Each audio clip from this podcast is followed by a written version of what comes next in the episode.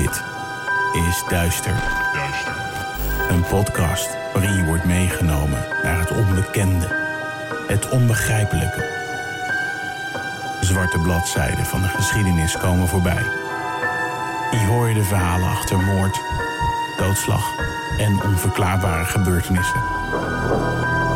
We kruipen in de hoofden van een serie moordenaars, heksen, mythische wezens. Luister. En huiver naar duister. Welkom bij Duister, de podcast over duistere zaken en andere rottigheid. Fijn dat jullie allemaal weer luisteren. We hebben weer hele leuke reacties gekregen en een aantal tips. Die gaan allemaal direct de grote Duister databank in. En Kim, hi. Ja, ik ben er ook weer bij deze aflevering. Dat is toch leuk? Zonder jou geen podcast. Nee, daarom. Maar we hebben deze aflevering echt iets heel erg leuks. Ik ben echt helemaal eh, gehyped. We mogen namelijk drie dossiers weggeven van een Creamybox. Het is echt zo te gek. Ik leg even uit wat een Creamybox is, oké? Ja. Kruip in de huid van een detective. Met een Creamybox krijg jij een onopgeloste moordzaak in handen. Volg verdachten op sociale media, ondervraag getuigen en onderzoek al het bewijsmateriaal. Alleen of samen met je vrienden ontmaskeren jullie de moordenaar. Ja, ik vind dit echt zo leuk. Ja, ik ook. Ja, en we hebben heel leuk nieuws, denk ik, voor jullie. Want wij mogen drie keer dossier As verloten. Ja. En wij hebben hem gisteravond al gespeeld. En het was best wel lastig. Ja, het was echt. Je moet echt als een detective gaan denken. Ja, Een beetje omdenken, vind ik het. ja. En, maar het is echt heel leuk. En we zijn er echt de hele avond aan... aan Ja, we zijn er heel de avond zoet geweest. Ja. Maar we hebben, het, we hebben hem opgelost. Wij, Ja. wij vonden de moordenaar. En ehm dossier als dus, vertel jij even waar het over gaat? Ja, dat wil ik wel even doen. Dossier As. Wanneer Antje van den Hoef onverwacht sterft... laat ze haar geliefde en de politie met veel onbeantwoorde vragen achter. Waarom wilde ze gecremeerd worden? Waarom heeft ze al een urn? En waarom is die urn al voor de crematie gevuld? Er is geen lijk, enkel as. Jaag op het onwaarschijnlijke jachtterrein van het rusthuis... naar een koelbloedige moordenaar. Een vos verliest zijn streken niet... En ondanks alle valse gebitten heeft dit monster wel degelijk nog tanden. Oeh, spannend. Ja, echt heel leuk. En ze hebben dus meerdere spellen die je kan spelen. Dus je hebt boksen, maar je hebt dossiers en je kan ook online spelen. En Samantha en ik hebben vorig jaar, denk ik ergens, ehm, de Macbeth boksen gespeeld. En dat- Leuk. ja, en dat was ook heel lastig. En het is superleuk, want je krijgt een soort van virtuele assistent. En die helpt je dan met je onderzoek. En nou Ja, dat doe je online. Ja, doe je online. Ja, precies. Ja, dus daar hebben we heel veel uurtjes speelplezier ook eh, van gehad. Dus ik ben sowieso heel erg Box fan. Nou, wil jij dossier als winnen? Like ons dan op Instagram op Facebook, Duister de Podcast. Of even zoeken op Duister de Podcast op Facebook. Ehm, tag degene met wie je dit heel graag zou willen spelen. En misschien ben jij dan wel een van de gelukkigen. Ja, jongens, doe dit. Dit is echt heel Dit leuk. wil je. Dit wil je echt. Dit wil je. Ik begin deze week. Yes. Wil jij vertellen waar jij zo meteen eh, een tipje van de sluier? Een tipje van de sluier. Je hebt behoorlijk, eh, behoorlijke zeebenen nodig voor mijn verhaal. Zeebenen. Heb je die? Ja, ik ben ook, ik ben ook nooit zeeziek. Niet? Nee. Ik een beetje. Nou, dan zullen we zien hoe dat eh, vandaag uitpakt. ja.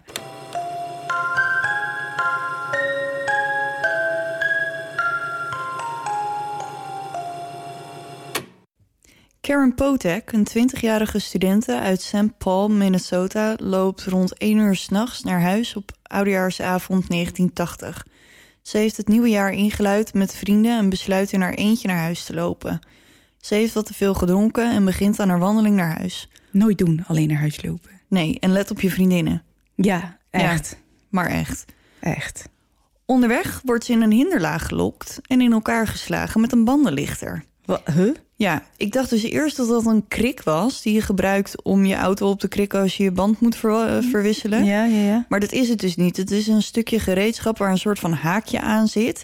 En die gebruik je dan om de band van je velg af te lichten. Oh, Ja. jeetje. En eh, oké. Rond drie uur komt er een telefoontje binnen bij 911 van een man die de aanval wilde melden. De stem van de man klinkt heel emotioneel, alsof hij bijna hysterisch is en zijn stem is heel hoog. Hij vertelt de operator de locatie van de aanval en zegt: Er is een meisje gewond hier. Als de operator vraagt hoe de man heet, wordt de verbinding verbroken. Maar ik heb hier een stukje van, dus Oh. ja, luister Oh, zelf oh. maar even. Yes, please. This is an emergency. Please send a squad to Pierce Butler Road, uh, Molenberg Manufacturing Company, machine shop. Please, there's an ambulance too. There's a girl hurt there. Can you tell me what happened to her? Just hurry. There's a, she's laying on the ground in the back by the by the railroad tracks by the here. Hurry. What's the address? I don't know. Who are you? Kon je het verstaan? Ja, half. Iets met een machine shop. Ja, misschien. There's a girl hurt here. En... Ja, Maar hij klinkt inderdaad wel behoorlijk overstuur, ja. Ja, hij klinkt inderdaad alsof hij iets heel erg. eh, Ja, hij klinkt wel als gezien. iemand die echt iets, iets ergs... eh, ik, wat dat, in dat opzicht geloof ik het wel. Ja. Nou ja, goed. Politie en ambulances racen naar het adres en vinden Karen naakt in de sneeuw, nauwelijks nog in leven. Ze is zo erg toegetakeld dat haar hersenen door haar schedel te zien zijn. Jeetje, nee. Ja. Dus Dat overleef je toch niet? er zit gewoon een gat in haar schedel en er komt dus dan zo hersen doorheen. Oh god. Ja. Je zou maar die agent zijn die daar aankomt. ja, of een ambulancebroeder. Ja, nou ja, maar dan, dan heb je nog een, een missie, weet je wel. Ja. Dat kind, of nou, dat kind, dat meisje redden. Ja. Dus nou ja, ze brengen haar naar het ziekenhuis en wonder boven wonder overleeft ze het. Nee joh. Ja, beetje bij beetje hield ze. Ze kan zich alleen helemaal niks meer herinneren van de aanval. En dan op 3 juni 1981 komt er weer een telefoontje binnen bij 911. Een man schreeuwt, verdomme, heb je me nou nog niet gevonden? Wat? Ik heb net iemand neergestoken met een ijspriem. Wat? Ik kan mezelf niet stoppen. Ik blijf maar moorden. Ook hier heb ik een clipje van. Dus luister maar. Oké. Ja. Oh, you, you find me? I just stabbed somebody with an ice pick. I can't stop myself. I keep killing somebody.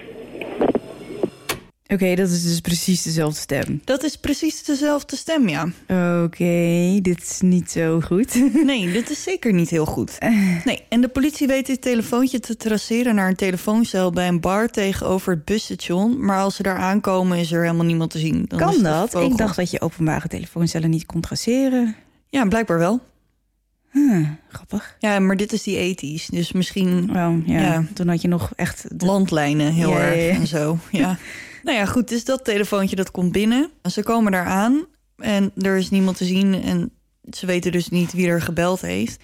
En niet veel later vindt er een groepje jongens het lichaam van een dode vrouw. En zij wordt later geïdentificeerd als de 18-jarige Kimberly Compton. Oh, je naamgenoot? Ja, ze is 61 keer in haar borst gestoken met de ijspriem en uiteindelijk gewurgd met een veter.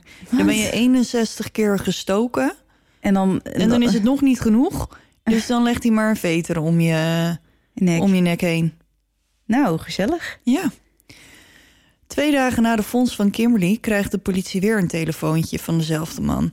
Deze keer zegt hij dat het niet zijn bedoeling was om Kimberly te vermoorden en dat hij zichzelf aan zou geven bij de politie. Hmm, Dat deed hij natuurlijk niet. nee. Nee, wat had je dan verwacht? Nou ja. Ja, in plaats daarvan belt hij een paar dagen later weer. En dan zegt hij: Ik zal mijn best doen niemand meer te vermoorden. ja. Ik kon er niets aan doen. Ik weet niet waarom ik haar neerstak. Ik ben zo overstuur. En dan twee maanden na de dood van Kimberly wordt de politie opgeroepen voor een man die zijn gezin gegijzeld houdt. Zijn naam is Ellen Lopez. Tijdens de onderhandeling vertelt Ellen de politie dat hij degene is die Kimberly Compton heeft vermoord. Oh, Ja, dat is makkelijk. ja, dan krijg zo op een presenteerblaadje aangereikt. Hallo, ik was het. Ja. Nou ja, goed. Uiteindelijk komt de politie erachter dat Ellen een historie heeft van psychische aandoeningen en het gebruik van geweld. Hij beëindigt zijn eigen leven en in de zes maanden daarna komen er geen nieuwe telefoontjes binnen bij de politie. Oh, Dus zij gaan ervan uit dat Ellen. Lopez hun Ja. moordenaar is. Dat is tot het volgende lichaam is gevonden. oh nee. Ja. Het kon ook bijna niet anders. Nee, dus dat heeft zes maanden, dachten ze dat ze dat in de, in de pocket eh, hadden. Dit waren zes rustige maanden. Ja. Op 21 juli 1982 gaat Carol Kellogg naar het huis van haar vriendin Kathleen Greenings. Ze zouden die dag samen op vakantie gaan naar Mackinac Island, dus Carol komt haar thuis ophalen. Als ze aanklopt, krijgt ze geen reactie. Ze laat zichzelf binnen, roept Kathleen, maar krijgt geen antwoord. Carol doorzoekt het huis en als ze bij de badkamer aankomt, ziet ze dat het licht brandt. Dus nou ja, lijkt me logisch dat ze dan denkt Het is thuis. dat, dat ze thuis is en dat ze in de badkamer is. Dus nou ja, ze stopt en doet de deur open en daar vindt ze haar vriendin Kathleen dood in het bad. Gezellig. Ja, Kathleen ligt naakt in het bad op haar rug met haar gezicht naar boven. Oh nee. Carol belt de politie en die concluderen dat het een ongeluk is geweest. Huh? Ja, niet iedereen was het daarmee eens, want sommige mensen verdachten de ex van Kathleen. Maar omdat de politie het afdoet als een ongeluk, wordt er verder geen actie ondernomen. Oké. En Maar dan hebben ze daar bewijs voor dat het een ongeluk was? ik denk het, ja.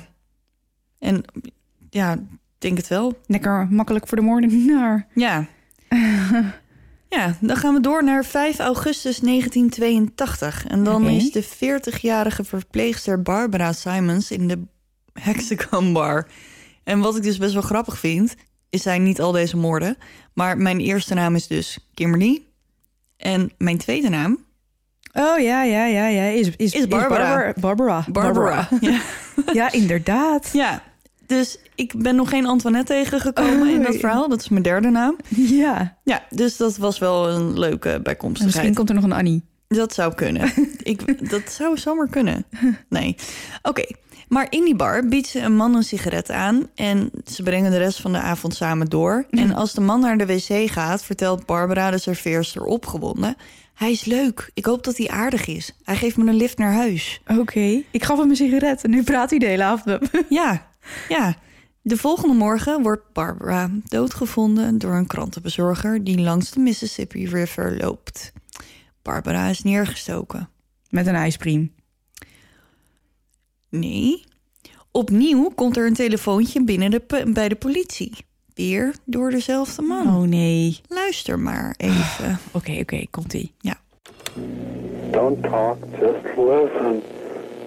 I'm sorry what I did to Compton. I couldn't help it. Don't know why I had to stab her. I am so upset about it. I keep getting drunk every night. I can't believe it. It's like a big dream. Just, I can't think of being locked up. If I get locked up, I'll kill myself. I'd rather kill myself than get locked up. I'll try not to kill anybody else. Kon je het volgen? Ja, ik verstond iets met I get drunk all the time. Ja, ik heb hem even vertaald voor de zekerheid. Ja. Wat hij dus zegt is niet zeggen, gewoon luisteren. Het spijt me wat ik Compton heb aangedaan. Ik kon er niets aan doen. Ik weet niet waarom ik haar moest steken. Ik ben zo overstuur. Ik word iedere dag dronken, maar ik kan niet geloven dat ik dat heb gedaan. Het is als een droom. Ik moet er niet aan denken opgesloten te zijn. Als ze me opsluiten, pleeg ik zelfmoord. Ik pleeg liever zelfmoord dan dat ze me opsluiten. Ik zal mijn best doen niemand te vermoorden. Dat is toch aardig van hem. Nou, ja, ik doe heel hard maar mijn die best. agent die is denk ik ondertussen echt met een bloedspoed aan het proberen dat telefoontje te achterhalen, ja, of niet? dat klopt. En, maar ondertussen is het dus ook wel duidelijk... dat al die telefoontjes van dezelfde man komen. Volgens mij, als je dan de meldcentralist bent, ik weet niet precies hoe je dat uitspreekt, dan krijg je nu toch echt gewoon een soort van kou in je hart als Ja, je dit hoort. Dat lijkt me ook, Dit ja. zijn de serieuze telefoontjes. Ja, maar omdat ze dus weten dat het iedere keer nu dezelfde man is... hebben ze hem een naam gegeven. En Oh ja. dit is dus hoe deze man bekend staat. Mhm. En dat is heel toepasselijk. De Weepy Voiced Killer. De hoe? Weepy. Omdat hij zo loopt... eh, Mompelen. Nee, zo ho- hoog, hoog stemmetje, emotioneel huilen. Oh, ja, ja, ja, ja, Ja. dus hij is aan het weepen. Aan het weepen. Ja. Dus de politie begint een onderzoek bij de bar waar Barbara voor het laatst gezien is. De meest waarschijnlijke verdachte is op dit moment dus de man waar ze in de bar eh, was en waar ze hem ook mee heeft verlaten, want hij Ja, zou ja, haar ja. lift geven. Ja, precies. In de bar vinden ze ooggetuigen die de man kunnen beschrijven. Het gaat om een man van rond de 40 jaar oud, rond de 1,80 meter, rond de 85 kilo en met een terugtrekkende haarlijn. Maar dat is dus best wel een grote kerel. Ja. Met zo'n hoog piepstemmetje. Ja. ja, maar die man is blijkbaar de hele tijd zo overstuur van zichzelf... dat hij dus heel erg moet huilen en in paniek is. Dus praat hij zo. Ja, maar we- ik kan me niet voorstellen dat ik het ooit zou doen hoor. Maar stel, ik, er overkomt mij iets waardoor ik per ongeluk iemand vermoord. Dan zou ik denk ik misschien ook wel heel erg... Als je als normaal mens Nou, iets kijk, doet wat je niet wilt doen. ik heb dus een tip. Oh, Ik luister en kijk heel vaak op YouTube naar 911 calls. en als het echt om leven en dood gaat... en ik snap dat het echt een hele moeilijke situatie is... en dat je waarschijnlijk helemaal in paniek bent... maar probeer adem te halen. En praat zo rustig mogelijk. Want als je alleen maar aan het schreeuwen bent in paniek... dan schieten ze dan- nog niet op. dan duurt het alleen Maar maar, langer. Heb je wel eens de politie gebeld? Nee. Jij? Nee?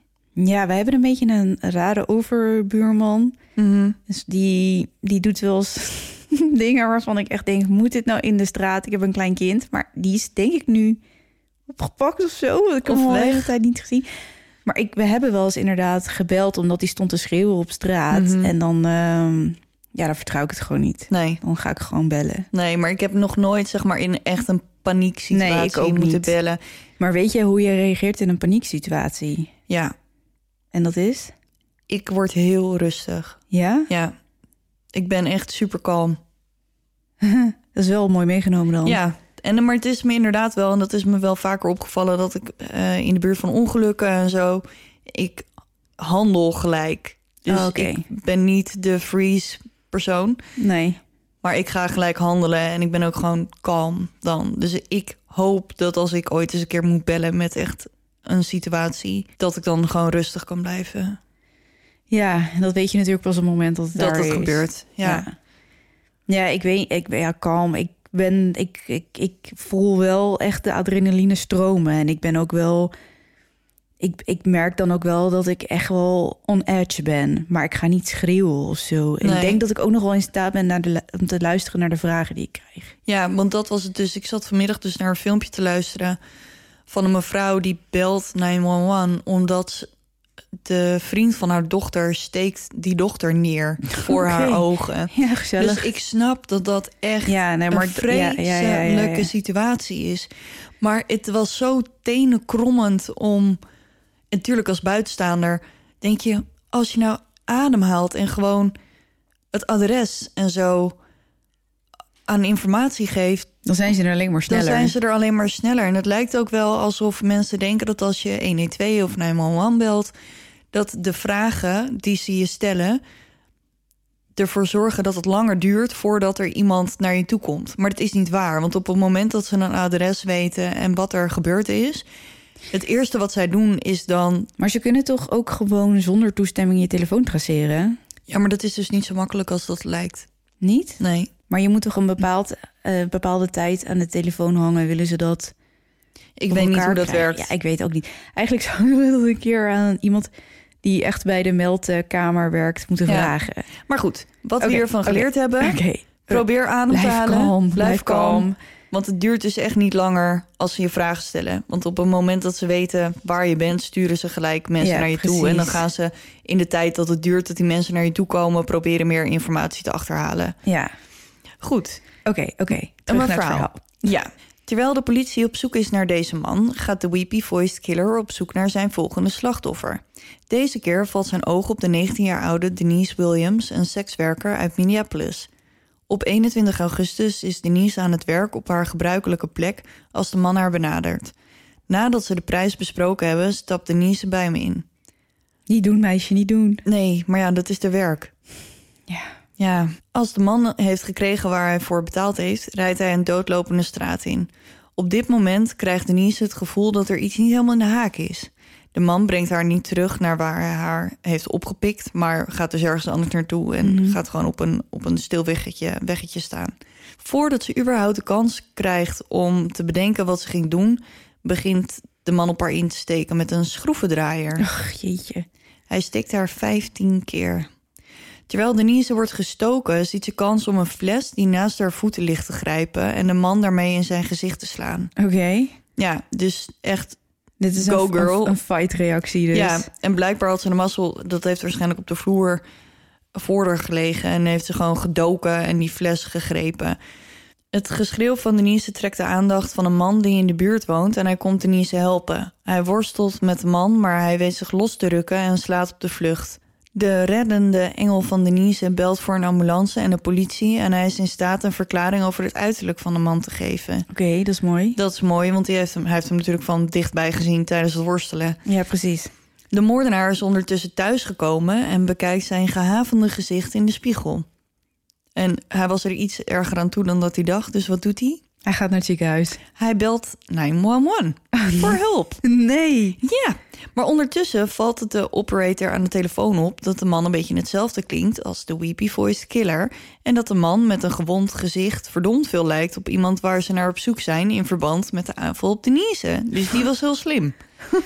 Dus hij stuurt de politie naar het appartement van de man en ze slaan hem in de boeien en nemen hem mee naar het bureau. Oké. Nou, Ja. dat is wel op... Ja, oké. Nou ja, hij is goed rood. Ja, goed. De man die ze arresteren heet Paul Michael Stefani. Paul wordt geboren op 8 september 1944 in Austin, Minnesota. Hij heeft negen broertjes en zusjes en groeit op in een streng gelovig gezin. Oké. Ja, ergens halverwege 1960 verlaat hij Austin en verhuist naar St. Paul, waar hij gaat werken als conciërge. Rond deze tijd trouwt hij met Beverly Leider, met wie hij een dochter krijgt. Oké. Ja, en in 1977 wordt hij ontslagen bij de Malberg Manufacturing Company. Oh. En hier wordt later zekerste slachtoffer gevonden. Ja, ja. Paul wordt schuldig bevonden aan de moord op Barbara Simons en poging tot moord op Denise Williams. In de rechtszaak getuigen zijn zus en zijn ex-vrouw dat de stem van de Weepy Voice Killer verdomd veel op de stem van Paul lijkt. Helaas is er verder niet genoeg bewijs om hem aan de andere slachtoffers te linken. Oh, kut, hé. Ja, Dat is echt balen. Ja, maar goed, hij krijgt toch 40 jaar celstraf opgelegd. In 1997 krijgt hij huidkanker en heeft hij Oh. ongeveer nog een jaar te leven. Ja, karma. Ja, maar deze diagnose die even goed de doodstraf is... want hij heeft natuurlijk 40 jaar en geen doodstraf gekregen... Mhm.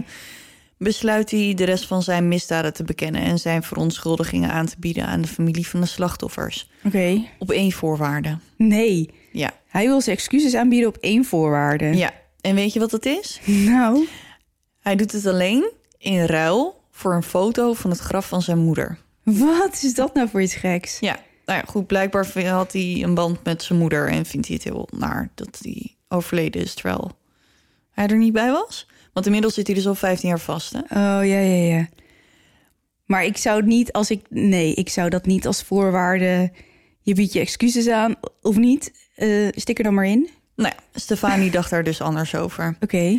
Ik kan het nog steeds niet geloven, zegt Stefanie. Iedere morgen word ik wakker en hoop ik dat het allemaal een droom is. Pas op het moment dat Paul al zijn misdaden bekent, wordt pas de connectie gemaakt tussen hem en de dood van Kathleen Greening. Die is dus al 15 jaar ehm, onopgelost. En dat is die mevrouw die in bad is gevonden Oh, ja, door haar ja, vriendin die samen op vakantie zouden gaan. En dat is ook best wel gek, want dat was ten eerste een hele andere moord. Want hij houdt natuurlijk blijkbaar van steken. Ja. En Ik deze- vind het ook altijd zo knap dat ehm, sommige zaken ineens gelinkt kunnen worden als ze al echt heel oud zijn. Want eh, rechercheurs wisselen, mensen gaan met pensioen, mensen gaan ander werk doen. En Ja, die, shows, die, die dossiers, die staan natuurlijk allemaal wel eh, in een databank of zo. Ja, Maar hoe, hoe werkt het dan? Doen ze dan gewoon steek, steekwoorden intypen en dat het dan misschien Nee, een wat ik- potentiële match is of zo? Weet jij hoe dat werkt? ik weet wel dat wat jij net zegt over het wisselen van teams en detectives en dat Mhm. soort dingen. Vaak zoeken detectives die beginnen bij een nieuwe afdeling of zo. Die duiken vaak ook wel in cold cases. En Gewoon om te tegenwoordig heb oefenen of zo? Nee, gewoon om te kijken of een nieuw paar ogen, misschien nieuw licht op de Ah, zaak. dat is wel top. Ja, tenminste dat zie ik vaak op Investigation Discovery en zo. Dat op zo'n manier dat iemand dan bij, nieuw bij een afdeling komt en dan, nou ja, dan pakken ze een zaak van de plank en dan gaan ze gewoon kijken of ze daar iets. Dat ondertussen al iets meer te, ja, te vinden is. ja. Dus uiteindelijk bekent hij drie moorden en twee gewelddadige aanvallen. In zijn bekentenissen zegt hij: Ik weet niet wat ik moet doen, behalve zeggen dat ik wou dat ik de klok terug kon draaien. Ja, dat is, eh Dat is dat een kan je wel laat. zeggen, maar dat is een beetje te laat. Ja? En dan wordt hij later nog eh, geïnterviewd door journalisten. En hij vertelt een van hen dat hij stemmen hoorde in zijn hoofd. Die hem Oh. vertelde dat hij moest moorden. Oh nee. Ja, er was iemand die me vertelde... Paul, het is tijd om te moorden. Oh, tuurlijk. Ja, tijdens de moord... Iemand. Iemand, de stem Iemand in zijn hoofd. hoofd en hij weet niet wie. Meestal Ja. weten ze toch wel wie het is, Nee, toch? dat weet hij niet. Tijdens de moord op Kathleen voelde het voor hem als een spelletje. Het ene moment was hij aan het lachen en het andere moment dacht hij... wat ben ik aan het doen? hij snapte zelf ook niet waarom hij iemand oppikte... om ze vervolgens 15 minuten daarna te vermoorden. En ik heb nog gezocht of ik kon vinden of ze hem gediagnosticeerd hebben... met een psychische aandoening. Ja. Of, maar dat kon ik dus nergens vinden. Want je zou toch verwachten dat zo iemand dan toch getest wordt. Ja, het- ja, juist. Maar dit klinkt toch als een klassiek geval van gespleten persoonlijkheid. Weet ik niet of dat zo is. En hij heeft bijvoorbeeld ook tijdens de rechtszaak niet eh ontoerekeningsvatbaar gepleit. Dus hij heeft voor zichzelf toen ook besloten van nou, ik ben niet, er is niks mis met mij. Want vaak zeggen mensen natuurlijk van nou, ik ben ontoerekeningsvatbaar omdat ik eh stem ik weet niet wat ik deed. En, eh, Ja, ik werd gewoon overgenomen door iets anders. Het jaar na zijn bekentenissen overlijdt hij op 53-jarige leeftijd. Dat is snel Dat gegaan dan. Ja, Hoe dat heftig was die huidkanker dan wel Ja, blijkbaar heel heftig. Zo. Ja. Zoals altijd staan alle foto's en zo op de website Ja. duisterdepodcast.nl. Ik ben wel heel benieuwd hoe deze man eruit ziet. Want hij komt namelijk een beetje over als een ielig, eh, super... eh, ja, maar hij is dus niet zo ielig, want hij is 1,85 en 85 kilo. Met een terugtrekkende, terugtrekkende haarlijn. En ik ga kijken of ik gewoon het YouTube-filmpje zelf op de website kan zetten. mhm. Met de 911 calls. En het is een beetje verwarrend, want ze worden allemaal, alle filmpjes die ik kon vinden, worden ze allemaal niet op volgorde afgespeeld. Oh, Dus dan moet je even zelf mijn verhaal in je hoofd houden. En dan weet je wat wanneer komt. ja, precies. Krijg ik hem niet op de website, dan laat ik gewoon de link daarachter. Ja, of je moet zelf even YouTube en dan gewoon BP Voice Killer. En dan de eerste hits zijn al, zijn 911 calls. Ja, de Stoere naam Voice. ook voor een moordenaar. Ja. Jeetje. Ja, dus dit was die van mij voor deze week. Nou, spannend. Ja, de eerste seriemoordenaar. Ja, is wel een kleintje, Nou. maar drie is op zich ook wel Nou meer ja. dan genoeg. een kleintje. Iedere seriemoordenaar is er één te veel, toch? Daarom. Oké, Ben je klaar voor... eh, ik heb mijn zeebenen even opgepoetst. goed zo. ja, dit is een, eh, een heel interessant, eh, iets wat lang verhaal. Maar ik ga mijn best doen om het zo beknopt mogelijk... Kort en bondig, alsjeblieft. kort en bondig. ja. Aye, aye, sir. Oh nee, aye, captain.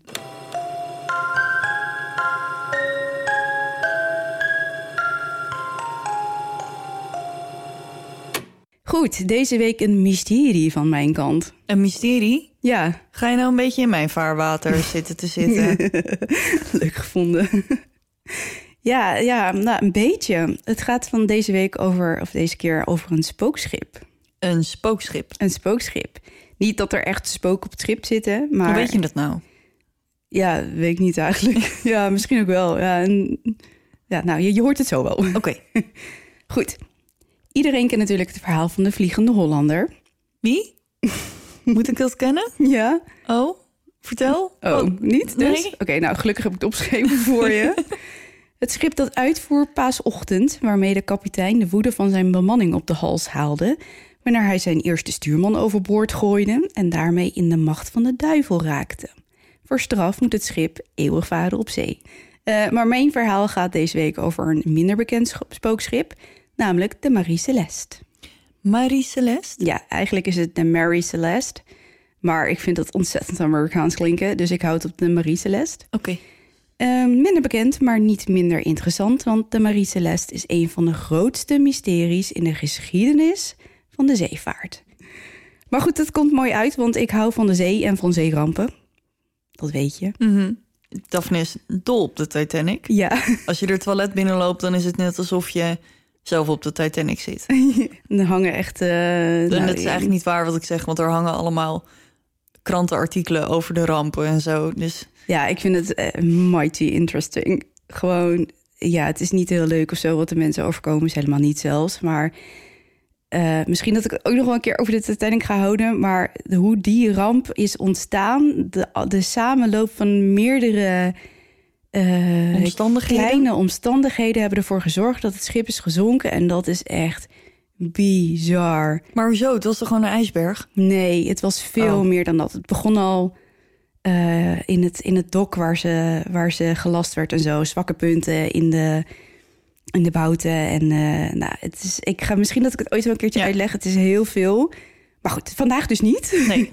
Het schip. Een tweemaster. Kijk je me weer heel moeilijk aan. Nee, ik, ik denk dat het twee masten met twee zeilen. Ja, dat klopt. Het is een zeilschip met twee masten met daaraan twee even grote grootzeilen. Ik heb echt zoveel over schepen geleerd. En, en, helemaal goed. Het schip dus is 31 meter lang, bijna 8 meter breed, wordt gebouwd onder de Britse vlag in Spencer's Island, Nova Scotia in 1861 en krijgt de naam Amazone. Een klein groepje mensen ziet daar voor het eerst te water gaan. Maar het lijkt wel alsof er een vloek rust op het schip. Want het leidt aan een serie onfortuinlijke gebeurtenissen. Tijdens de eerste reis krijgt de kapitein een longontsteking en sterft aan boord. Nou, dat is ook niet echt een fijn einde. Nee. En dan ik kan me helemaal voorstellen dat je dan zo heel enthousiast bent. Want dan heb je een nieuw schip en dan ga je zeeën bevaren en dan krijg je een longontsteking. Ja, maar dat was helaas wel een beetje. Ehm, In die tijd was dat ja, redelijk dat kwam wel, kwam wel veel redelijk- voorkomend. Ja, precies. Dank je. de volgende kapitein vaart op een rif. En wanneer de Amazone in een droogdok wordt hersteld, want ze was eh, best wel eh, Aangevaren door dat rif. ja, best wel beschadigd. Eh, in een droge dok, droge dok dus. vliegt ze in brand en de kapitein sterft. Nee joh, Ja, dat is de tweede. dat is de tweede. Vervolgens raakt het schip verschillende andere keren beschadigd. Met name in oktober 1867 als het aan de grond loopt in Cow Bay, Cape Breton Island. Ook komt ze in botsing met een ander schip op het Engels kanaal waarbij het andere schip zinkt. De Amazone zelf blijft achter als een scheepswrak. En mensen die denken nu nog steeds dat het een goed idee is om dat ding te restaureren en Ja, verder nou ja, leven te houden. Driemaal is eh scheepsrecht. Oké, we gaan. Meerdere malen wisselt ze van de eigenaar totdat ze uiteindelijk in 1871 verkocht wordt aan de Amerikaan Richard W. Haynes. Het schip ondergaat aanzienlijke structurele veranderingen. Ze krijgt een extra dek waardoor er 84 ton aan laadruimte bij komt. En ze krijgt een nieuwe naam, de Marie Celeste. De zeer ervaren Benjamin Spooner Briggs wordt met zijn 38 jaar de nieuwe kapitein. De familie Briggs uit Massachusetts had een lange maritieme geschiedenis en Benjamin Briggs bracht het grootste deel van zijn leven op zee door. Hij was een ervaren, sterke en bekwame zeeman. Hij werd naar verluid gerespecteerd door degenen die onder hem dienden, vanwege zijn eerlijkheid en bekwaamheid. En dat was nogal wat voor een kapitein uit, eh, uit die tijd. Want het waren meestal niet hele, nou ja, meegaande mensen of zo. Hij werkte zich op om uiteindelijk een meesterzeeman te worden. Kapitein Briggs was vroom en behoorlijk religieus en hij geloofde in onthouding. Maar in 1862 trouwde hij met Sarah Elizabeth Cobb, dochter van dominee Leander Cobb. Het jonge paar zeilde naar Europa in Benjamin's schoenerbrik en dit is echt... Die schepen, dat zijn dus allemaal types. Ja, En ehm, het spook en ik hebben heel lang een soort van zeespelletje gespeeld. En dat was alles in het Engels en dan noemden ze het gewoon een brig. Dus Oké. sorry als ik dat zeg, ja. maar het is dus hetzelfde. Een schoener en een brick. Ja. Nou, het is niet helemaal hetzelfde, maar ik bedoel er gewoon een boot bij. Een boot. Oké. Het jonge paar zeilde naar Europa in Benjamin's eh, brig, The Forest King. Hun zoon, Arthur S. Briggs, werd geboren in 1865 in het ouderlijk huis in Rose Cottage, Massachusetts. Het volgende jaar reisde het gezin naar Marseille en keerde op tijd terug voor de geboorte van hun dochter, Sophia Mathilde Briggs, op 31 oktober 1870. Later werd Briggs onder andere aanvoerder van de brig The Seafoam en daarna werd hij dus in 1871 de kapitein van de Marie Celeste. Op 20 oktober 1872 arriveert kapitein Briggs op Pier 50 aan de East River in New York om toezicht te houden op het laden van zijn scheepslading van 1701 vaten industriële alcohol. 1701. Ja, Kon niet 1700. nee, er kon er nog één bij blijkbaar. zijn vrouw en dochter komen een week later. Hun bestemming zal deze keer Genua zijn in Italië, waar de industriële alcohol gemengd wordt met andere chemische stoffen, waar het gebruikt zal worden in fabrieken. Want die tijd is natuurlijk het begin van de industriële, Industriële revolutie. Ja, precies. Op zondag 3 november schrijft kapitein Briggs aan zijn moeder dat hij van plan is om op dinsdag te vertrekken. Eraan toevoegend dat ons schip in prachtige staat verkeert en ik hoop dat we een fijne doorvaart zullen hebben. Op dinsdagochtend verlaat de Marie Celeste Pier 50 en vaart naar de haven van New York. Het weer is onzeker en kapitein Briggs besluit te wachten op betere omstandigheden. Verstandig. Uh-huh. Hij ankert het schip vlakbij Staten Island, waar Sarah van de gelegenheid gebruik maakt om een laatste brief aan haar schoonmoeder te sturen, waar haar zevenjarige zoon dan verblijft, zodat hij geen school hoeft te missen. Lucky him. Ja. Ze schrijft: Zeg tegen Arthur dat ik sterk afhankelijk ben van de brieven die ik van hem krijg en dat ik zal proberen alles te herinneren wat er tijdens de reis gebeurt, wat hij graag zou willen horen. Twee dagen later draait de wind en klaart het op en staat kapitein Briggs op het punt van vertrekken. Terwijl de bemanning van de Marie Celeste zich opmaakt voor de lange reis, ligt de Canadese brig, de Dai Gratia, vlakbij in Hoboken, New Jersey, in afwachting van een lading aardolie die via Gibraltar ook naar Genua gaat. Kapitein Morehouse en zijn eerste stuurman Oliver de Vaux zijn beide zeer ervaren en gerespecteerde zeelieden. De kapiteins Brig en Morehouse hebben gemeenschappelijke interesses en volgens sommige bronnen is het waarschijnlijk dat ze elkaar kennen, al is het maar oppervlakkig. Sommige Maar hoe groot is de pool met kapiteins? kapiteins?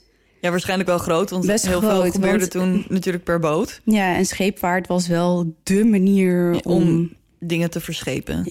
Ja, letterlijk. Ik wilde echt niet heel flauw zijn. Maar nee, nou ja, dat geeft niet. Er komen nog wel meer zeegrapjes voorbij, denk ik. Eh, maar goed, ze kennen, het is waarschijnlijk dat ze elkaar Ja. dus kennen.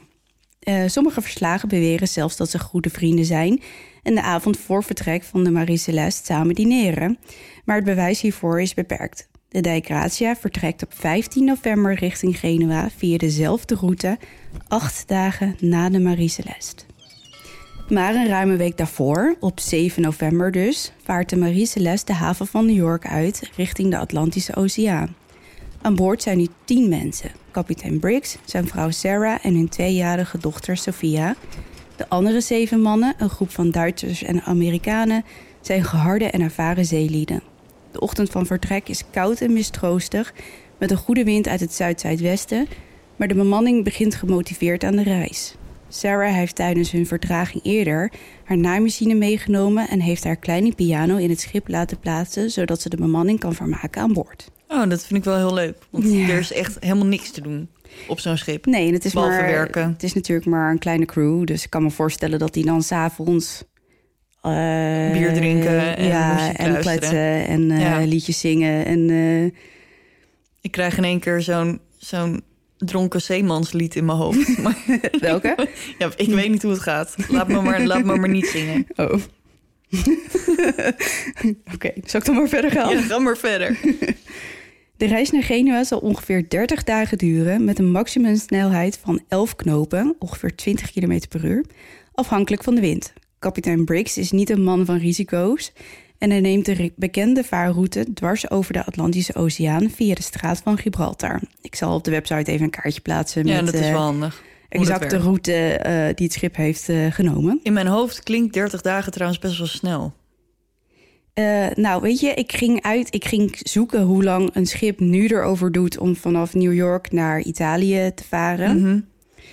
En dat is twee weken. En dan met een snelheid van 21 ko- knopen ongeveer. Dus dat is twee keer zo snel ongeveer. Ja. ja. Dus dat je met een houten zeilschip er Ja. 30 dagen over doet. ja. Het is plus minus. hè. Het is natuurlijk compleet Ja, afhankelijk van, van de het wind. weer en zo, ja. Dus nou, op zich, ja, oké. Nee, maar in mijn hoofd duurt zoiets dan gelijk zes maanden of zo. Nee, dat valt dus wel mee. Ja. Ja, want eh, dat weet ik. die zou ook twee weken onderweg zijn, ook met ongeveer 21 knopen. Maar ik snap wel dat als je zeg maar vertrekt vanuit Amsterdam en je vaart naar het Caribisch gebied, Mhm. dan zit je natuurlijk nog verder Ja. en dan ga je nog zuidelijker. Dus ik, dan ben je misschien inderdaad wel drie maanden onderweg. Ja. Oké, Hm. nou Ja, ga verder. Goed. Ze gaan dus via de straat van Gibraltar. Volgens de logboeken van kapitein Briggs verloopt de reis redelijk voorspoedig. Het weer is wel wat omgeslagen, de zee is wat ruw en het ziet er zelfs naar uit dat er een stormopkomst is, maar niks waar een ervaren kapitein als Briggs zich zorgen om maakt. Zijn vrouw en dochter maken het goed en daar is Briggs in ieder geval blij om. De bemanning is ervaren en hij heeft ze persoonlijk samengesteld. Ook is hij blij met zijn eerste stuurman, Albert Richardson, waar hij alle vertrouwen in heeft. Maar toch, op 5 december 1872, bijna een maand na vertrek, wordt het verlaten schip op drift gevonden door de bemanning van de Dijk Gratia. Op ongeveer ja, 378 zeemijlen, dat is 716 kilometer, oostelijk van het eiland Santa Maria, behorend tot de eilandengroep de Azoren. De Dijk Gratia, met Morehouse als kapitein, denkt het schip te herkennen als de Marie Celeste. Hij ziet het schip rond 1 uur 's middags westelijke richting uitvaren, op ongeveer 6 zeemijlen, dat is 11 kilometer, van hen af.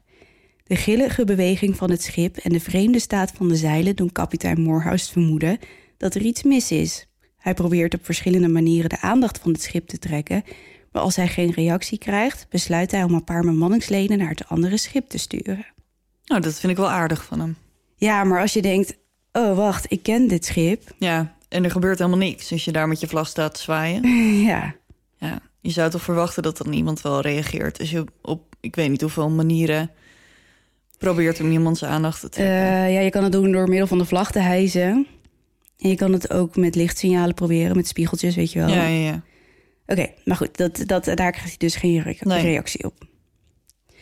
Als de mannen zich aan boord van het schip hijsen, zien ze dat het compleet verlaten is en het inderdaad de Marie Celeste is. Maar het schip heeft geen zichtbare schade, er zijn geen tekenen van een gevecht of een andere ramp.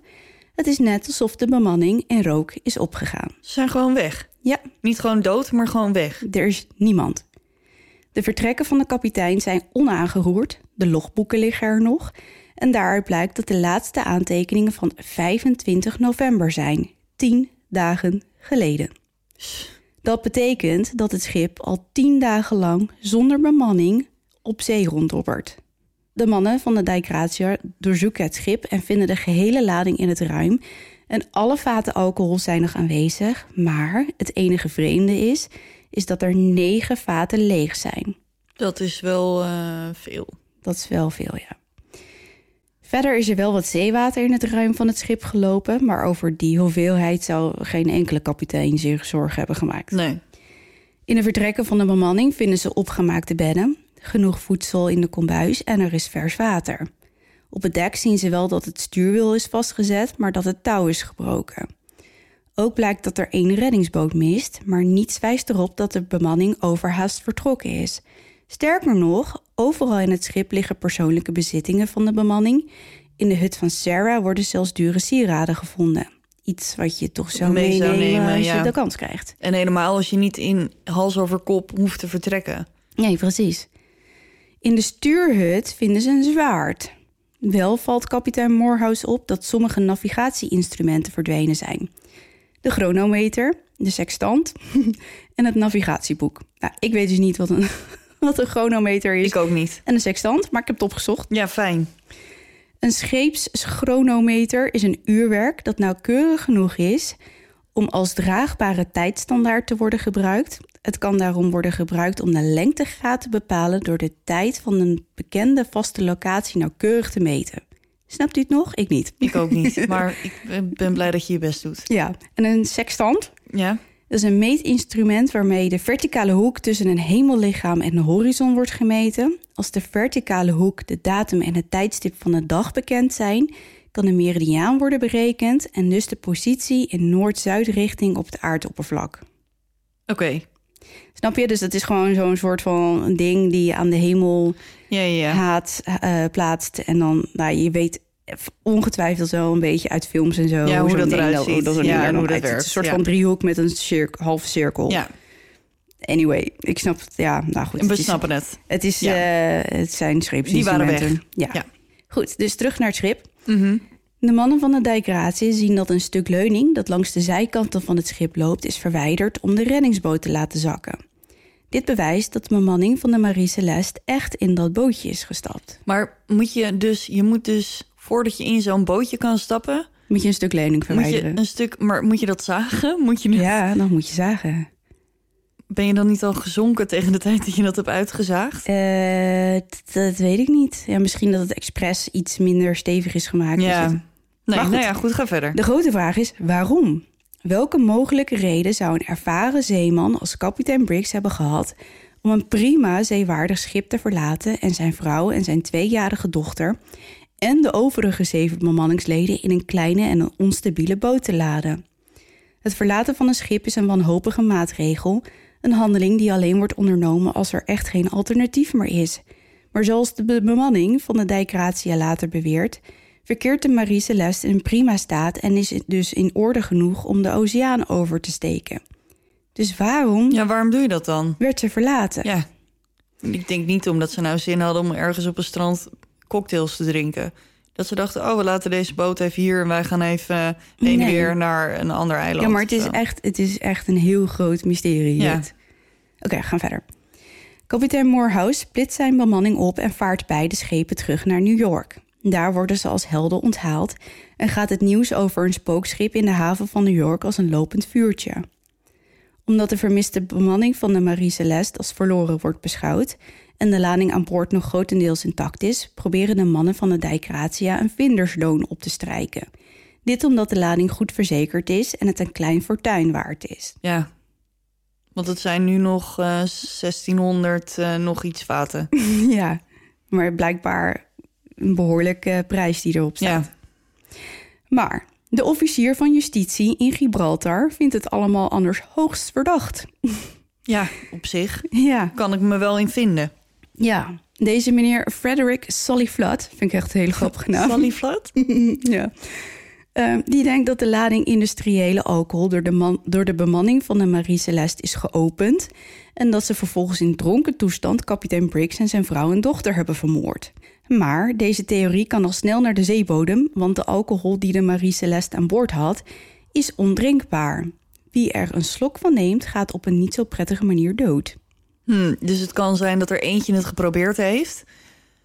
Want ik... Volgens mij... Ja, maar het is industriële alcohol, dus ruwe alcohol. Snap ik, maar volgens mij zijn er ook mensen die, ehm, weet ik veel, eh ruitenvloeistof, wisser, Ruitenvloeiersproeistof. drinken. Ruitenvloeiersproeistof of ruitensproeiervloeistof? Nee, vloeiersproei... Oh, ik weet het nog steeds niet. Ik weet het Nee, ik weet het ook niet. Maar goed, in ieder geval dat het waar je je ruiten mee wist.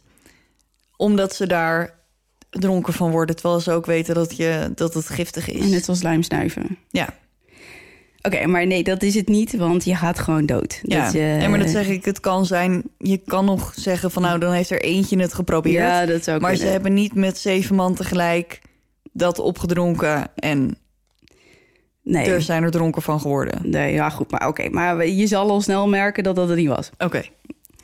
Een kleine teleurstelling voor Sally Flood, die onmiddellijk zijn theorie verandert. Het moeten de mannen van de Dijk Gratia zijn geweest...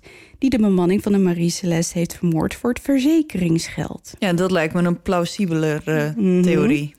Maar de beide kapiteins waren vrienden en de bemanning van de Dijk Gratia is geen stelletje moordenaars. Sally Flood krijgt het bewijs niet rond en hij moet de mannen weer laten gaan. Zij krijgt, krijgen echter maar een deel van het verzekeringsgeld omdat ze nog steeds verdachten zijn. Hm. De grote vraag is natuurlijk wat er met de bemanning van de Marie Celeste is gebeurd. Als de bemanning tijdens een storm van boord zou zijn geslagen, waarom is het schip dan niet zwaarder beschadigd?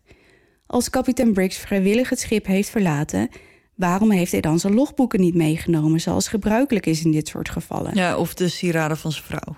Ja. Waren het piraten of is er misschien een muiterij geweest? Maar dan zou het schip niet zo intact zijn gebleven. Waarom was er meer dan voldoende voedsel en water aan boord?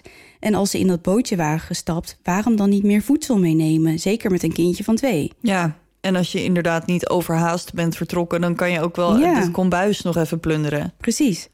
Dus wat in vredesnaam is er gebeurd aan boord van de Marie Celeste? Ga je het me vertellen? Ja, nou, eh, we weten het niet. We, Maar oh, er zijn een aantal theorieën. Oké, eerste wat anders. Een aantal aanwijzingen die zijn pas veel later aan het licht gekomen. Die zijn in eerste instantie verzwegen om eventueel het verzekeringsgeld op te kunnen strijken. En die aanwijzingen zijn dat sommige tuigage en de zeilen eh, licht eh, beschadigd waren, maar De niet- wat? Tergage? Tuigage, Tuigage. tuigage. Tuigage.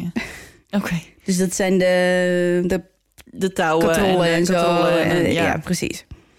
Nou, en sommige zeilen waren licht beschadigd, maar niet genoeg om het schip minder zeewaardig te maken. Hmm. En een beetje zeelied. eh, Zeelied? zeelied. Die weet ook wel hoe die zeg maar om een kapot touw heen moet werken. Ja, en ik neem aan dat ze ook wel gewoon reserve touwen hebben. Ja, ze waren zelfs in staat om een mast te repareren als die, werd, als Ja. die gebroken eh, raakte. Dus dan moet dit toch ook Ja, ik neem, ik neem aan dat je reserveonderdelen mee Ja, hebt. zeker. Een paar scheepspapieren ontbraken, maar deze zouden weinig betekenen zonder het daadwerkelijke schip. Hm. Ze vonden nog een zwaard onder het bed van kapitein Briggs waar bloed op leek te zitten. Maar als er een gevecht was geweest, waarom legde hij het dan wapen terug onder zijn bed? Want als ze midden in de strijd hadden moeten vertrekken, waarom Dan ga je niet eerst dan... naar je hut om, om dat zwaard onder je bed te stoppen. Nee, en maar dan laat je- stel je, wordt, je ligt onder aanval en je moet in die boot stappen met mag 4, Ja, dan neem je toch een zwaard mee? je zou zeggen van wel. En dit is niet het enige zwaard dat achter is gebleven. Want we hebben die in de Mhm. stuurhut ook nog. Ja. Oké, nou die dus. En er waren vreemde krassen en snijplekken op de onderromp van de boot gevonden. Van het schip, sorry, ik mag geen boot zeggen. Maar deze veroorzaakte geen structurele schade. Oké, curieus. Heel curieus. Oké, theorieën, want die zijn er zat. Bring it on. Eh, alle theorieën over zeebevingen, reuzeninktvissen, zeemaalstromen, zelfs Poseidon kwam voorbij. En UFO's, die laat ik even achterwege. Hoewel ik ze wel heel leuk vond. Ja, maar waarom ga je me niks over die reuzeninktvis vertellen? Dat vind Ja, ik dat- ja, maar omdat het niet zo plausibel is. Oké, oké.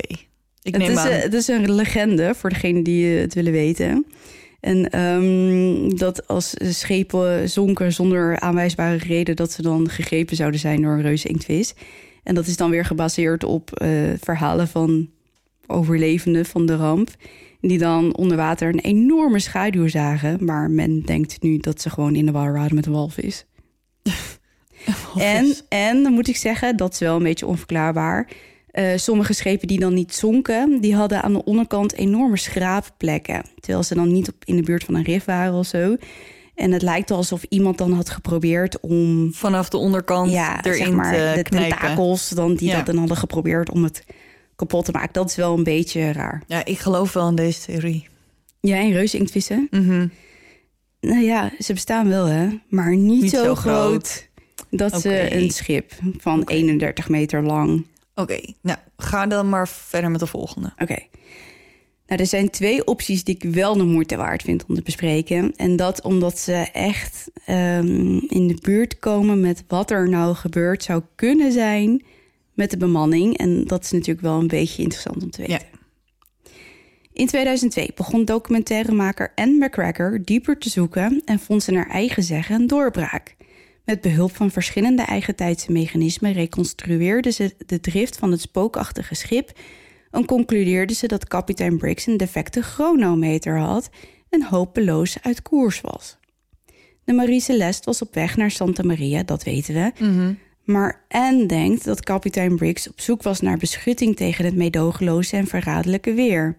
Het zou kunnen zijn dat hij bevel heeft gegeven tot verlating, denkend dat, Dat ze dicht kust. bij Santa Maria waren, maar dat ze in feite 120 zeemijl, dat is ongeveer 222 kilometer, eh, verder naar het westen waren, misleid door de fouten van zijn gebrekkige instrument.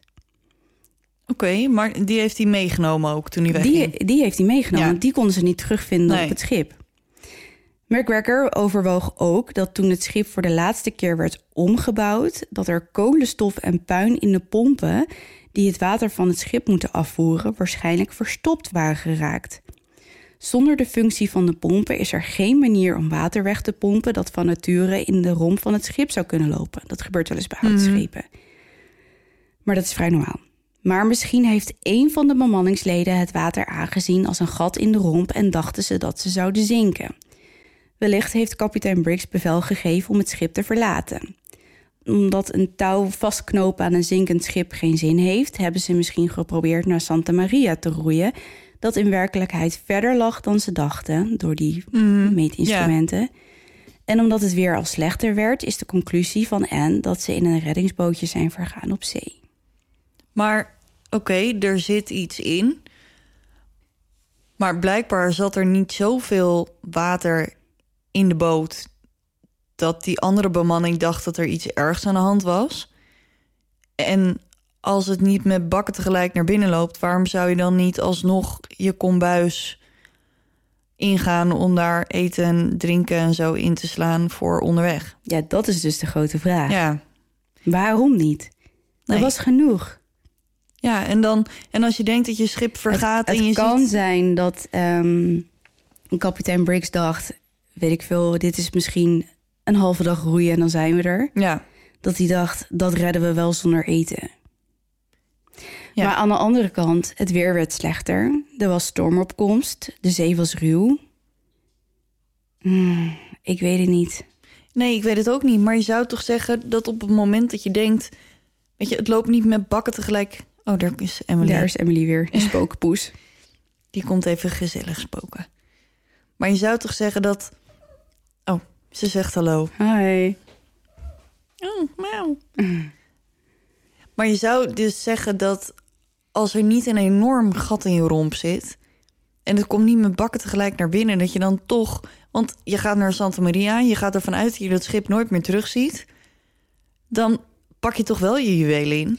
Ja, maar wat ik zou denken, als je dan zeg maar, eh, weet ik veel, je hebt vijf kilometer geroeid en je ziet dat het schip nog drijft, Ja, waarom dan niet teruggaan? nou ja, misschien stroming en zo. En ja, ik weet het ook. Ik zou ook het nooit van mijn leven in zo'n bootje durven stappen. Ja, op een gegeven moment zou je wel moeten als het Ja, schip onder je voeten waar. verdwijnt. Maar ja, als dat nou niet gebeurt, dan kan je toch wachten tot het niet meer houdbaar is. En dan blijkt dus dat het niet gaat zinken. Ja, maar dat zeg ik. Ik snap wel dat je, als je denkt dat het gaat zinken, in een bootje stapt. Maar als er zo weinig water in ligt, ik neem aan dat die Ja, Captain dat- Briggs ja. toch ook wel weet Ja, dat, zou je een- denken. dat, dit een normaal hoeveelheid water is van een houten schip. Dat zou je denken. Dat zou je denken, ja. Nou, blijkbaar niet. ja. Ja, ik, ik, ik snap wel dat ze instrumenten misschien stuk waren. Maar je kan gewoon niet voorbij het feit dat... als het niet met meters tegelijk in de grond, in de grond zinkt... nee, in de zee zinkt... dat je dan toch misschien nog spullen meeneemt. Ja, ik je hebt ook een baby bij je. Ja, daarom. Oké, maar goed, dat is dus theorie 1. Ja. Nu hebben we nog een tweede. Mhm. Twee jaar geleden komt ineens iemand met een waarschijnlijke verklaring. En dit komt echt regelrecht van internet. Eh, ik dacht, dit verhaal is echt zo logisch geschreven. Ik kan het niet per se zelf beter doen. Dus eh, de maker van het stuk, all credits, credits go to you. Scheepvaarthistoricus Eigelwiese uit Hamburg maakt een nauwkeurige reconstructie van de laatste reis van de Marie Celeste. Bij het doorpluizen van verstofte documenten van de Britse marine komt Wiese erachter dat er kapotte tonnen met alcohol aan boord waren. Dus Dat wisten wij al. Op aanwijzingen van Wiese bouwen wetenschappers van University College in Londen een schaalmodel van de Marie Celeste. Ze laten een hoeveelheid industriële alcohol in het model leeglopen en zorgen voor een vonk. Tot hun stomme verbazing ontstaat er een enorme ontploffing die een luik wegslaat, maar verder raakt het schip niet beschadigd. De andere vaten alcohol zijn zelfs niet eens aangebrand. Oh. Wiese denkt dat de ontploffing gebeurde nadat de bemanning het schip al had verlaten. Een van de vaten is waarschijnlijk stuk gegaan. Door de alcoholdampen raakte de bemanning in paniek. Daardoor zijn ze in een reddingsboot gestald met een touw aan het, vast, aan het schip vast om af te wachten wat er, Wat er zou gebeuren. Ja, totdat, of totdat de alcohol verdampt zou zijn. Toen de bol explodeerde, kan het touw zijn geknapt. Maar hoe kan het dan dat het schip niet verder beschadigd is? Je zou denken met een enorme ontploffing. Dat er in ieder geval Dat- wel, weet ik veel, borden kapot zijn. Ja. Of eh, ik snap misschien wel dat het zo snel ontvlamt. Dat, het- want het is natuurlijk alcohol, dat Mhm. verdampt ook heel snel. Mhm. Dus ik kan me wel voorstellen dat het vuur heel snel weer uit is. Maar er moet wel zoveel kracht bij ehm, Ontstaan zijn. ontstaan zijn... dat er toch wel iets gerinkeld moet hebben, denk ik dan. nou, ik heb het antwoord. Oh, nou, heeft meneer Wiese dat eh, voor ons uitgezocht? Nee, een chemicus, Oh. een dokter Andrea Sella, die het experiment uitvoerde. Volgens haar is het niet zo heel gek. Eh, zij zegt, alcohol verbrandt bij een lage temperatuur. Een explosie zal zelfs geen schroeiplekken achterlaten.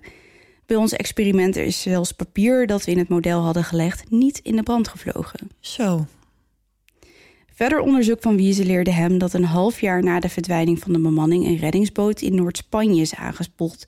met daarin drie verdroogde lijken. oh, Dat kan best een deel van de bemanning zijn, zegt hij. Die zonder proviant, want dat hadden ze niet meegenomen, Nee. sukkels... eh, midden op oceaan gedoemd was om van de honger en dorst te sterven. maar dan missen we er nog zeven. Ja, maar ja, misschien hebben ze die opgegeten of zo, weet ik veel. Ja, overboord gegooid. Ja. Eh Dr. Stella denkt ook dat een ontploffing en vervolgens een afgedreven reddingsboot de meest plausibele verklaring is. Ze zegt: Ons experiment toonde aan dat een explosie van alcoholdampen het schip precies in de staat zou achterlaten waarin het is gevonden. Van alle verklaringen die er in de afgelopen eeuw zijn bedacht, is dit zonder twijfel de meest waarschijnlijke. Wauw. Ja, het, het klinkt inderdaad wel redelijk plausibel, ja. Ja, ik denk het ook. Ja, helemaal als je inderdaad ervan uitgaat dat ze op die reddingsboot zijn gaan zitten te wachten tot het verdampt is of ontploft. En Maar wat ik me wel afvraag is: hoe is die vonken dan ontstaan? ja, en ik zit me net in één keer te bedenken, maar als er geen enorme explosie is geweest, hoe is, die, hoe is dat touw dan geknapt? Ja, geen idee. Hebben ze dat dan niet goed vastgebonden? Dat is gewoon zo eraf gerold. Ja, het kan, ja, het, ja. ja, je weet het niet. Nee. En, maar er zijn dus negen lege vaten alcohol. Ja, Ja, maar als er niemand aan boord is, er is niet iemand die een sigaret heeft aangestoken dan. nee, Of een kaars. nee. En waarom moet je in een reddingsboot zitten als je ook gewoon op het dek kan gaan zitten? Nou, omdat ze bang waren dat het schip zou ontploffen. Omdat ze die alcoholdampen roken. Oh ja. Dat is dan de, de verklaring, hè? Dat is niet dat het zo Nee, nee. Maar wat er ook is gebeurd... Het schijnt ook, las ik ergens anders... dat er rond de tijdstip dat het schip werd gevonden... dat er een soort van meteorietenregen is geweest. En die zou dan vlakbij hen in zee zijn Geslagen. geslagen. En dat er zo'n enorme schokgolf is geweest... dat het schip gewoon woep, zo even, even, Oh ja, een, eh, overgetipt even is. een diepje heeft gemaakt... en dat iedereen overboord gekletterd is. En dat het dan was. Maar dan moet toch alles door de war geraakt zijn? Ja, dat zou je denken. Want dan ziet het er niet uit alsof iedereen gewoon zijn spullen heeft laten liggen... en gewoon opgestaan is en weggelopen. Nee, Want dan is alles of naar links eigenlijk of naar is er gewoon niet één verklaring. Ja, maar het is gewoon bizar. Maar je die weet, mensen- zeker, ja. je weet zeker dat het geen aliens waren. Ik weet het zeker. Nou ja, eigenlijk niet. Nee. Het zou kunnen. ja, Ja, er zijn wel vreemde sightings geweest van lichten rond die periode. Maar ja, hè, ja ik weet Ja. niet. misschien en dus je... dat wat ik zei, eh theorie over zeebevingen. En ehm, die bestaan overigens echt. Ja, dat weet ik. Dat weet ik dan weer wel. En ehm, ja, ik weet het niet, man. Ik vind het wel. Ik werd getipt door mijn broertje over dit verhaal. Ik had er nog nooit van gehoord. Dus dankjewel, Thomas. Thomas, dankjewel. Maar het is inderdaad, ik, het, als je er in verdiept en je. Ja, dat, dat schip, dat is gewoon. Het was prima. Ja, er was Waarom zijn ze weggegaan? Ja. Ja, geen idee. Wisten we het maar.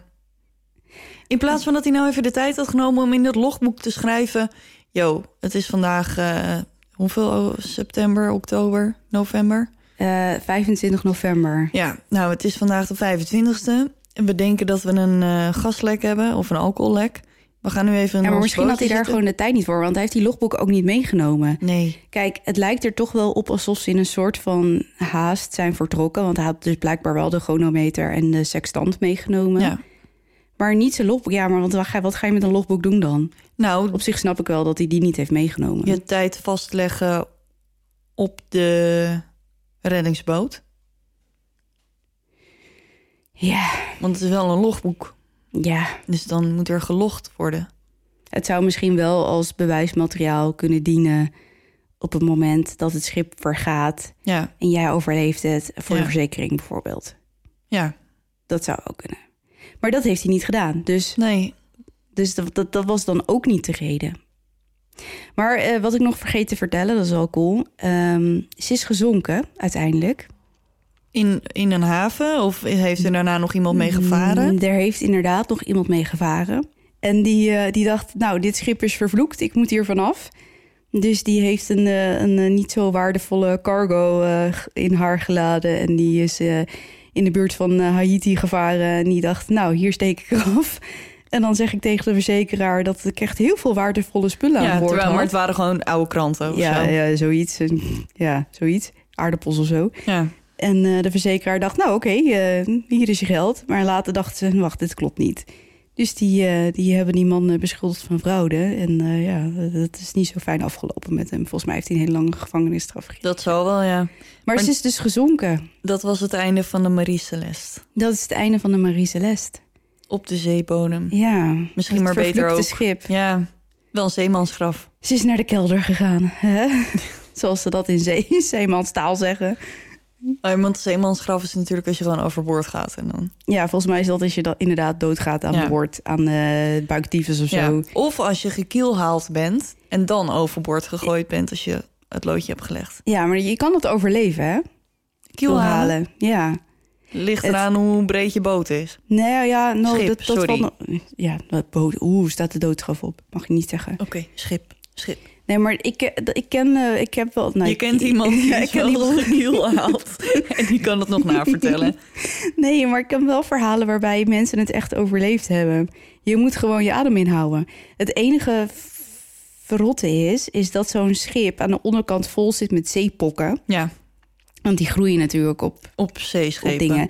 En als je aan de onderkant van zo'n schip langs wordt getrokken, dan, Ja, dan word je pokken Die, ja, precies dat. Dus ook al kom je aan de andere kant aan boord, dan ben je wel een soort van gevulde. Ja, dan heb je geen huid meer. Ja, Maar dan vraag ik me af, als je wel gekielhaald wordt en je overleeft het... vermoorden ze je dan niet alsnog? nee, want of dat was het meer gewoon een straf? Ja, Ja, als jij bijvoorbeeld gestolen had aan boord, ja, of je hebt eh, een moord gepleegd, maar volgens mij stond op dood ook de dood. ja. Dus je gewoon betekent voor. dood. Ja, precies. Maar als jij iets, iets minder heftigs had gedaan, dan was dit een van de straffen. ja. Lijkt me niet zo'n prettige trouwens. Nee, mij ook niet. Nee. überhaupt om al in de zee te moeten springen als je midden op zee bent. Ja, Wat nou als de touw breekt, hé? Dan ben je ja daar ben je voor. Ja, ik ben nooit zo bang op zee. Maar Niet? nee, Ik heb dus een enorme fascinatie met de zee, maar ik heb ook, ik ben echt een troubled kid. Ik heb ook hoogte- en diepteangst. En die is bij mij best wel heftig. Dus op zee, hmm, nee. Maar toch vind ik het heel fascinerend. Ja, maar is het ook maar... Ja, ik ben bijvoorbeeld twee jaar geleden op de Galapagos geweest. Ja, Nou, daar hebben we ook heel veel met de boot en zo gedaan. Van eiland en, en naar eiland. En met zeehonden gezwommen. Cool. En het was super tof. En ik heb ook... ehm, God, wat voor beesten zaten er? Haaien. walvishaaien. Of Nee, hamerhaaien. haaien? hamerhaaien. Mhm. En ehm, ik weet even niet meer welke andere haaien. Maar ja, die heb ik ook van heel dichtbij gezien.